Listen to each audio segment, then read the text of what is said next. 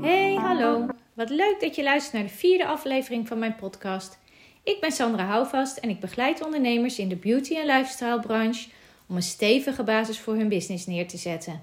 Een basis die nodig is om te kunnen doorgroeien.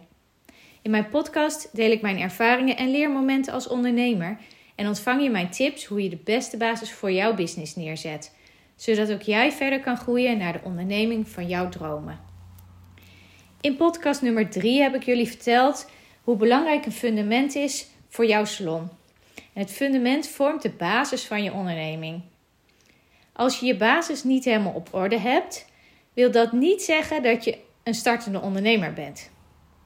Vaak overkomt groei een ondernemer en blijkt later pas dat bij financiële tegenslag het fundament niet breed genoeg is om moeiteloos overeind te blijven.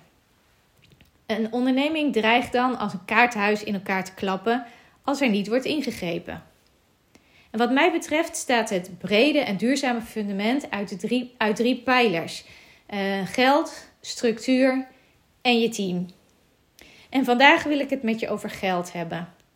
Geld is de voeding en energiestroom voor jouw business. Voor jouw werkzaamheden en uh, voor de door jou gegeven behandelingen ontvang je geld van je klanten. Dit geld komt op je bankrekening terecht. Gewoon alles op één groot hoop. Je huur, je personeelskosten, je salaris, uh, de btw-afdracht, inkoop van je producten, die worden allemaal van dat geld betaald. Je weet wel een beetje hoeveel geld je nodig hebt om je kosten te kunnen betalen. Op het moment dat je een factuur binnenkrijgt, betaal je deze en ga je ervan uit dat je geld genoeg hebt voor alle andere facturen en kosten die er die maand nog gaan komen. Je hebt op deze manier weinig inzicht, maar nou, op zich kan dat heel lang goed gaan. Maar nu loop je al een tijdje met toffe ideeën rond voor je salon. Uitbreiding, uh, groter groeien. Uh, maar voor die plannen heb je wel wat geld nodig. En als je die plannen rond hebt, heb je misschien ook wel wat extra teamleden nodig. Maar je weet nog steeds niet of je dit kan betalen. Geeft jouw ene bankrekening dan voldoende inzicht? Ik denk het eigenlijk niet. Om financieel inzicht te creëren en het juiste fundament neer te zetten, heb je een plan nodig. Een plan om inzicht en rust te creëren, maar ook een plan om te groeien waar je naartoe wilt. Het is eerst belangrijk om die rust te creëren, om te kijken van de situatie die er nu is. Kan ik al mijn kosten betalen? Kan ik mijn team goed betalen? Kan ik mijn eigen salaris betalen? Want die wordt vaak vergeten. En als je dat onder de knie hebt, als dat klopt, en, uh, dan ga je kijken: oké, waar wil ik naartoe groeien? En ga je daar een plan voor opzetten. En dat plan dat kan je in Excel doen, waarin je de cijfertjes bijhoudt en je kunt het natuurlijk ook koppelen aan je boekhouding. Maar klopt deze altijd met je bankrekening?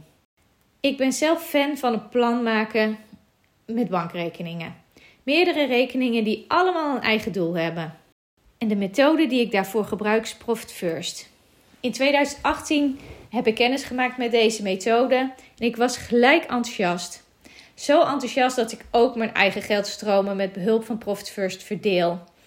En daarnaast ben opgeleid tot Profit First Professional. En dit een vast onderdeel is in de trajecten die ik met mijn klanten doe. Maar daar ging het nu niet om. Bij Profit First werk je met vijf bankrekeningen.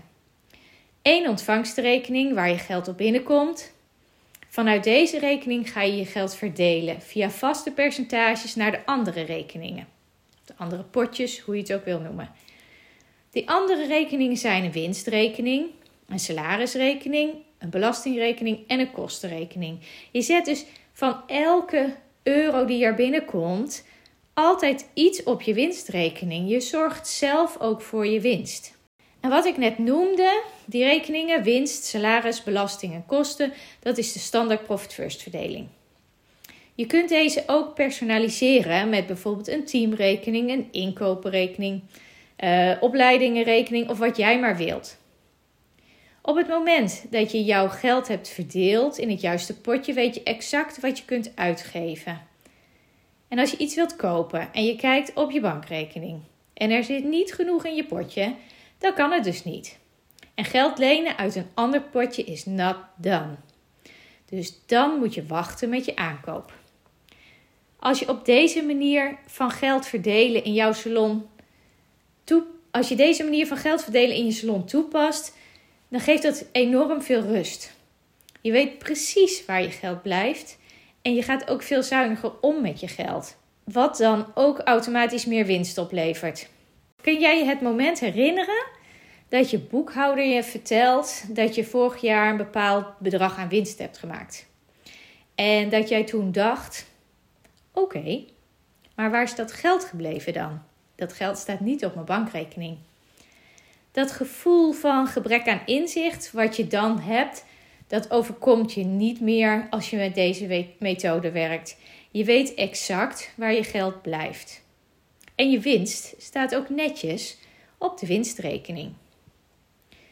Die toffe ideeën die je voor je salon hebt, kun je ook op deze manier werkelijkheid laten worden.